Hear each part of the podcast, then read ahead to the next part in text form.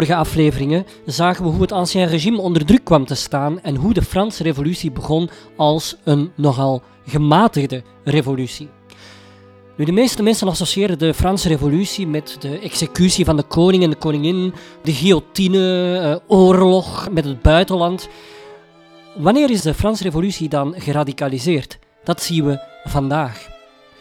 Het interessante aan de Franse Revolutie, heb ik altijd gevonden, is dat ze een voor mij handboekvoorbeeld is van een revolutie. Wie vertrouwd is met latere revoluties uit de geschiedenis, die ziet dan ook patronen terugkeren. Even herhalen wat een revolutie is. Een revolutie is een op korte tijd en met geweld doorgevoerde politieke machtswissel. Nu, dat gaat dus niet zonder slag of stoot. En na die revolutie hebben de nieuwe machthebbers ook vaak de handen vol met in het zadel te blijven. Want ze hebben natuurlijk met de macht over te nemen van iemand anders ook nieuwe vijanden gemaakt. Ik noem drie andere revoluties uit het verleden eh, die analogieën vertonen, bijvoorbeeld met de Franse Revolutie.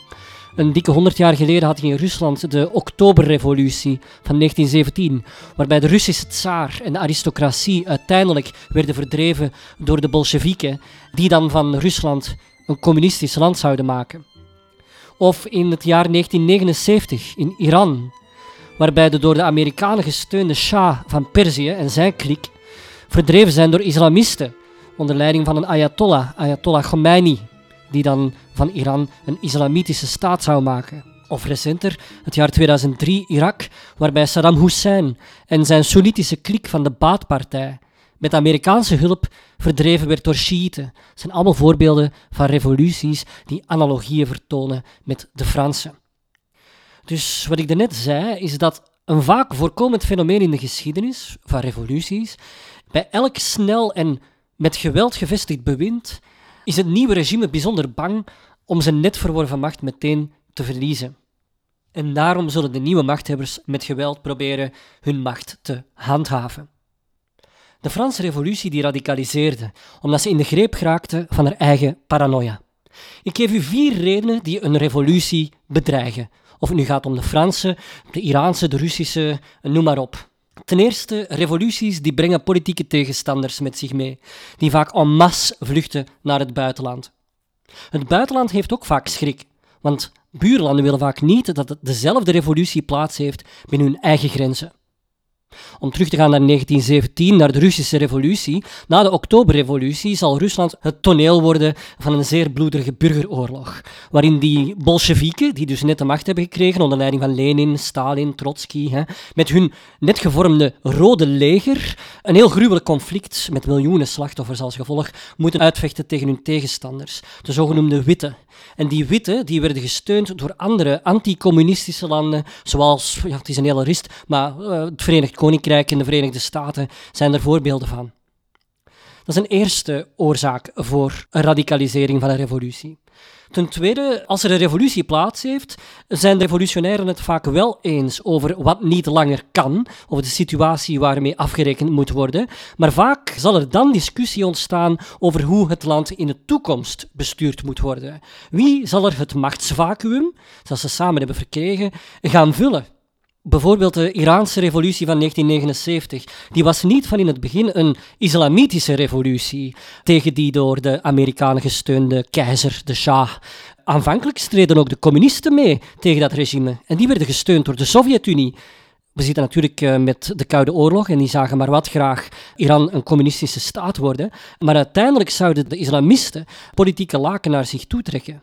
Die zullen die revolutie gaan claimen en van uh, Iran de staat maken die het vandaag is. Een derde reden waarom een revolutie harder wordt, radicaliseert, is een stelselmatig strengere aanpak van de vijanden van vroeger. Als voorbeeld kan ik dus Irak nemen. De Soenieten van Irak, de klik rond Saddam Hussein, de minderheid eigenlijk in Irak, want Irak is demografisch overwegend Shiïtisch, ja, die zullen na de machtsverdrijving van Saddam uh, stelselmatig gediscrimineerd worden. In de jaren daarna zou zij zeer sterk gefrustreerd zijn en radicaliseren. En zijn zij die op een gegeven moment zullen wederopstaan als islamitische staat. Of zij zou zich aansluiten bij Al-Qaeda. En tenslotte radicaliseren postrevolutionaire regimes omdat er een zeer sterke, zeer agressieve journalistiek is, die heel hard aan propaganda en aan antipropaganda zou gaan doen. Een heksenjacht zal ontketenen tegen iedereen die nog maar verdacht wordt van uh, politiek dissidente ideeën en daarbij ook heel wat vals nieuws zal verspreiden. En die vier elementen die hardliners nog harder in hun leer zullen maken, die gaan we eens toepassen op Frankrijk, op de Franse Revolutie.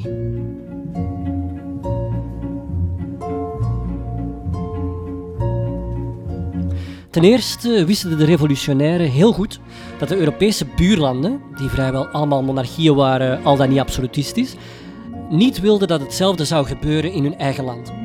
De revolutionairen verdachten dan ook de koning ervan een staatsgreep voor te bereiden met buitenlandse hulp, samen met die vluchtelingen in het buitenland, om zijn absolute macht te heroveren. Ja, toegegeven een vergeefse vluchtpoging sprak in dat verband nu niet bepaald in zijn voordeel. Die vrees die was trouwens eh, niet uit de lucht gegrepen. Het wemelde in Frankrijk nog van de reactionaire, reactionaire krachten. zijn krachten die de, die de revolutie, die een verandering proberen tegen te houden. Ja, zoals in dit geval de royalisten, de aanhangers van de koning. En het eerste buurland waarmee de spanning dan ook opliep, was Oostenrijk. Een keizerrijk. Ja, de Franse koningin Marie-Antoinette was dan ook de zus van de Oostenrijkse keizer. En die zag eigenlijk niet graag gebeuren wat de Franse revolutie aan het doen was met zijn zus. En het wantrouwen tegenover critici van de revolutie nam dan ook toe omdat men dacht dat er in Frankrijk een vijfde kolonne was.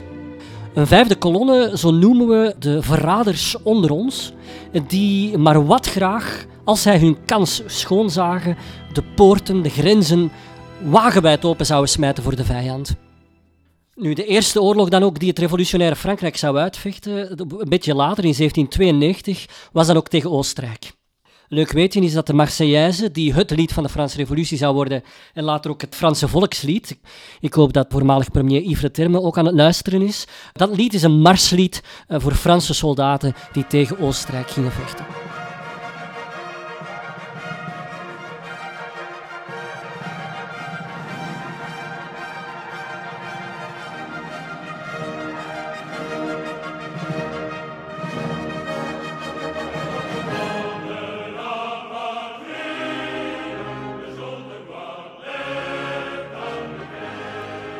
Nu, die oorlogen met het buitenland geeft de Franse revolutie ook een, eh, een goede reden om hun ja, verlichte revolutie en ideeën uh, naar het buitenland met geweld uh, te gaan exporteren.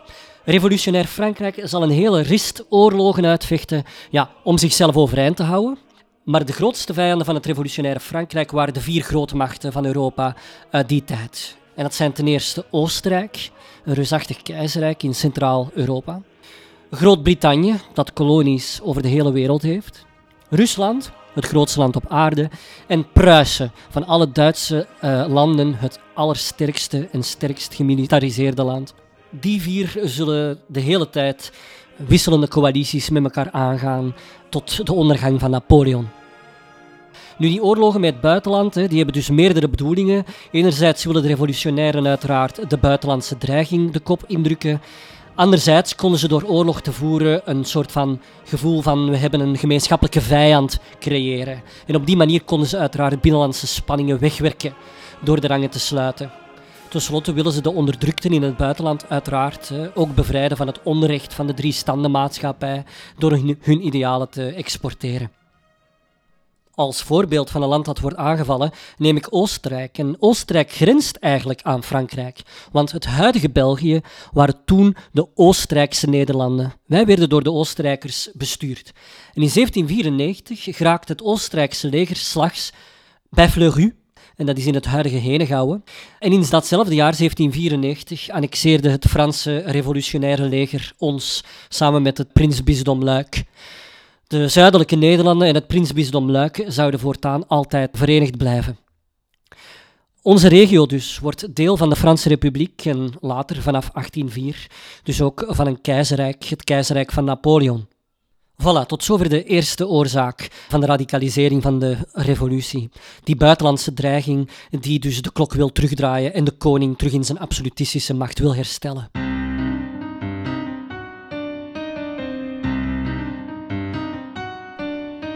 Ten tweede zullen ook de revolutionairen zelf in kampen vallen. De revolutie polariseerde eigenlijk. Ze viel voornamelijk uiteen in radicale revolutionairen, de hardliners, en de meer gematigde revolutionairen. Niet iedereen dacht immers dat de problemen op dezelfde manier moesten worden opgelost. Heel veel Franse burgers begonnen na te denken over de toekomst die Frankrijk op moest gaan. Onder impuls van de verlichting kreeg het land namelijk een bijzonder dynamisch en publiek-politiek klimaat, waarbij burgers over thema's discussieerden op, in salons die werden georganiseerd, uh, debatavonden, lezingen en ook de zogenoemde politieke clubs. Die politieke clubs zijn de voorgangers van wat wij vandaag politieke partijen zouden noemen. Dat bestaat eigenlijk nog niet in de tijd van de revolutie.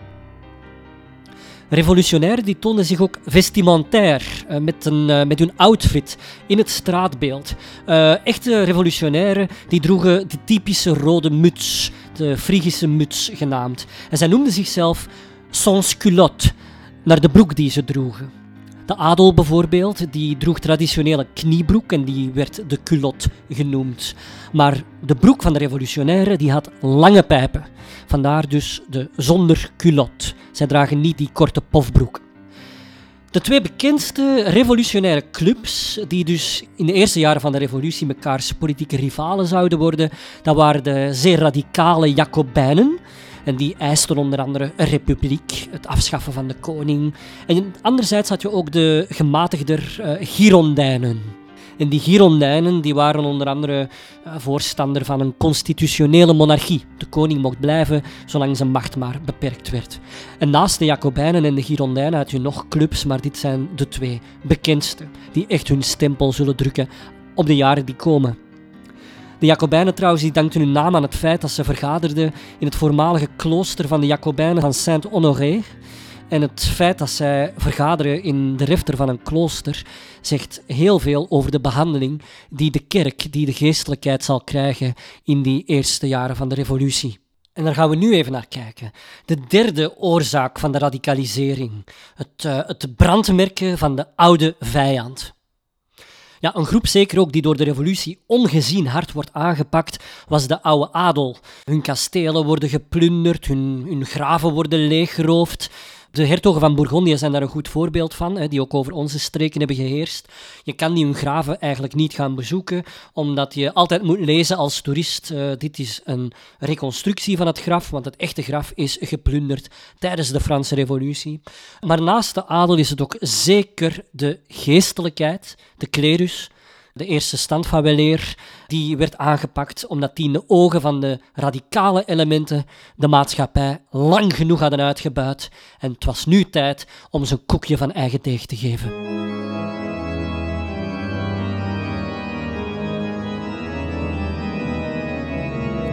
Een zeer strenge godsdienstpolitiek leidde namelijk al in 1789 tot de nationalisering, de inbeslagname, van alle kerkelijke bezittingen. Niet alleen eiste de staat op materieel vlak kerkgoederen op, maar ook uh, priesters die werden gedwongen om een eed te zweren op het zogenoemd burgerlijk wetboek van de klerus. En als zij dat niet deden, dan werden ze geëxecuteerd. Voor de Franse klerus was dit een bijzonder benarde situatie. Want vanuit het Vaticaan, voor hun eigenlijk het hoofdkwartier, werd opgeroepen om deze ketterse eed niet te zweren. Zij moeten dus kiezen tussen uh, Parijs en Rome en zij bevinden zich dus echt tussen twee vuren. Trouwens, veel gelovigen die hadden ingestemd met de politieke hervormingen van de revolutie, die keerden zich nu meer en meer tegen het revolutionaire bewind omwille van de harde aanpak van de kerk. En het revolutionaire bewind werd ook meer en meer gezien als een typisch Parijse aangelegenheid. In het jaar 1793, wanneer de revolutie op zijn hevigst is, gaan ze er het verst in. Kerken worden allemaal gesloten en de katholieke mis wordt verboden. Het is christenen de facto verboden om hun geloof te beleiden. En het is dan, wanneer de Franse revolutie op zijn hevigst is, dat ze een enorme beeldenstorm zullen ontketenen tegen alles dat verwijst naar de oude machthebbers. De adel en de kerk hebben nooit bestaan. Dat lijkt een beetje de redenering. Je ziet dat dus in andere machtswissels in de geschiedenis ook heel vaak, dat men uit schrik dat uh, oude garde de macht zal heroveren, dat elke herinnering aan ze moet worden gewist. Nu, als je als toerist in Frankrijk komt, zie je dat dus heel vaak. Als je een kerk bezoekt, zal de gids heel vaak vertellen van dat is gereconstrueerd uh, na de Franse revolutie, want dan is het verloren gegaan. Het orgel is kort en klein geslagen tijdens de Franse revolutie. Of die glas in loodramen zijn reconstructies op basis van tekeningen die men had van voor de Franse revolutie. Of als je in een Franse kerk in het voorportaal ziet dat daar de heilige beelden uh, zijn weggekapt, ja, dan is daar ongetwijfeld een revolutionaire storm doorgeraast. Je ziet het dus nog overal. Een heel indrukwekkend voorbeeld van hoe de kerk het onderspit heeft mogen delven in die periode uh, ligt in de Bourgogne, in het dorpje Cluny. Cluny is vandaag een zeer pittoresk, schattig, gezellig dorpje. Maar Cluny was vroeger een reusachtig abdijencomplex. Tot de Franse Revolutie was de Benedictijner abdij van Cluny het grootste kerkgebouw tot het werd voorbijgestoken door de Sint-Pietersbasiliek. Het was niet alleen in Cluny, uh, het was een heel netwerk van abdijen verspreid over heel Frankrijk, uh, die zich had ontrokken van de pauselijke controle. Dus het was een bijzonder machtige instelling, Cluny. Het was bijna een staat binnen de staat. Cluny was bijzonder invloedrijk geworden. De abten van Cluny hadden een ongelooflijk gezag en fluisterde het beleid van de Franse koning vaak mee in. Ze hadden heel veel geld verworven en het waren grote grondbezitters. En men is meer en meer Cluny gaan wantrouwen en als symbool beginnen zien van de macht van de kerk. Nu, met de Franse Revolutie wordt de abdij van Cluny volledig kort en klein geslagen en geplunderd. Van het grote complex staan er nu nog twee torens, als ik mij niet vergis, uh, recht. En voor de rest is Cluny eigenlijk gebruikt als één grote openbare steengroeve, zo je wil. Het dorp van Cluny van vandaag is eigenlijk gebouwd op de fundamenten van de reusachtige kathedraal, de reusachtige kerk die bij de abdij hoorde met stenen die ooit uh, gebruikt waren voor de abdij. Dat is eigenlijk heel uh, pakkend, maar je loopt op een gegeven moment over het dorpsplein van Cluny. En als je niet beter weet, dan is het een dorpsplein als een ander. Tot je daar grote cirkels op het plein ziet. En als je dan een goede gids hebt of je gaat wat opzoekwerk doen, dan lees je dat die cirkelvormige afdrukken op het dorpsplein van Cluny, dat dat de plekken waren waar vroeger de reusachtige zuilen stonden van het schip van de kerk. Ja, het dorpsplein ligt dus pal in wat vroeger het interieur moet zijn geweest van een van de grootste kerken uh, ter wereld. Dat is bijzonder fascinerend. Ook in België hebben we zo een plek dat ik als voorbeeld kan nemen. In de buurt van Namen heb je Villers-la-Ville. En dat is een uh, voormalige Cisterciënzersabdij. Tijdens de hoge middeleeuwen had die abdij een enorme culturele uitstraling. Een van de grootste bibliotheekcollecties op aarde. Doet mij zo'n beetje denken aan de naam van de roos. De abten van uh, Villers-la-Ville uh, hebben een paar keer professor geweest. Theologie in Parijs. En dat was een zeer prestigieuze leerstoel.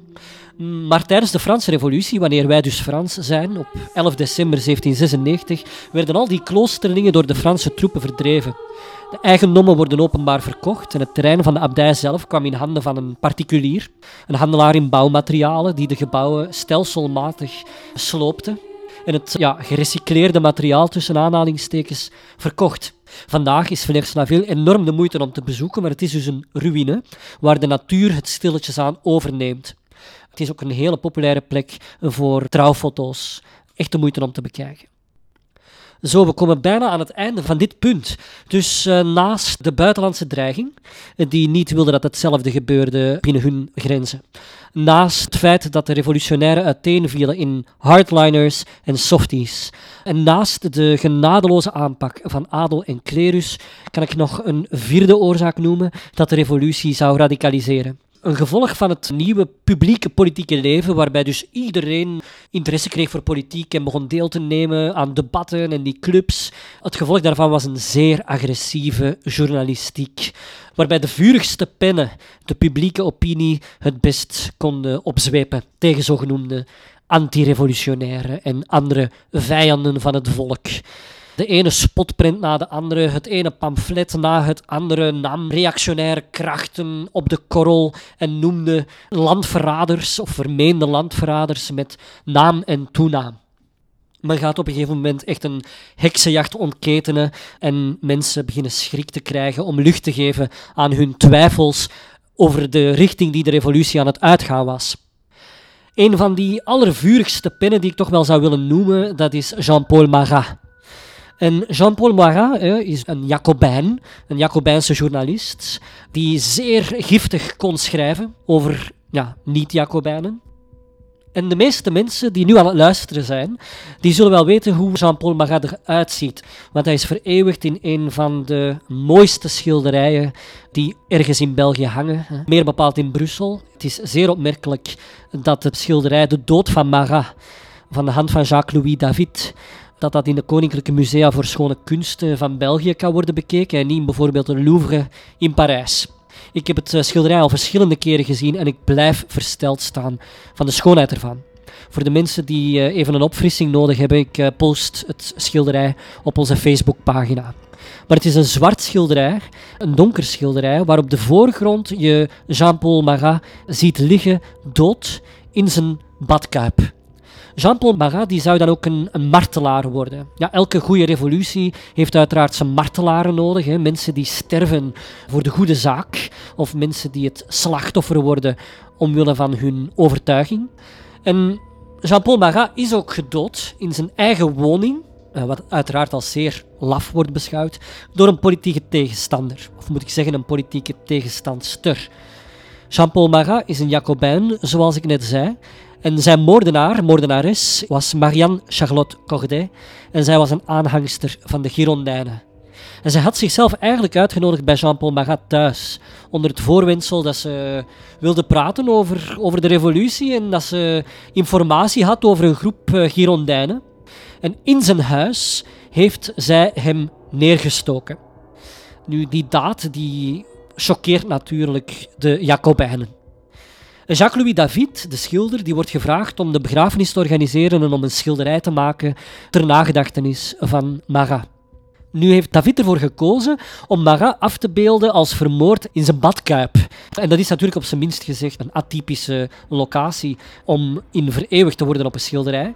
Maar dat komt omdat Marat leed aan een jeukziekte. Hij heeft ook zo'n vreemde, ja, het lijkt een beetje op een tulband op zijn hoofd. En hij kon die jeukziekte alleen verlichten door heel veel in bad te gaan. En die tulband is eigenlijk een soort van doek die hij in een helende zalf, een helende vloeistof heeft gedrenkt. Als je goed kijkt naar het schilderij, dan zie je dat hij gestorven is met zijn wapen in de hand. Hij heeft zijn pen vast. Op het schilderij is hij zogezegd in zijn bad aan het schrijven. En die pen uh, die wordt hier dan op dit schilderij afgebeeld naast het bebloede mes waarmee hij is vermoord. Als je goed gaat kijken naar de houding van Marat en de wonden van Marat, dan zie je een overeenkomst met Christus. Door de manier waarop David Marat plaatst in het bad, kan je dus de houding van Jezus herkennen. En ja, ook de wondes komen overeen met de stigmata van Christus.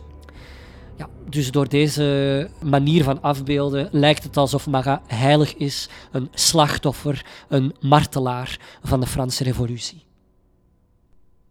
Zo, hier komen we aan het einde van de hoofdvraag uh, waarom de Franse Revolutie radicaliseerde. In de volgende aflevering zien we eindelijk hoe de Franse Revolutie een bloedige climax zou bereiken. En dan leren we meer over het drieste lot van Lodewijk XVI en de onfortuinlijke Marie Antoinette. Graag tot de volgende aflevering.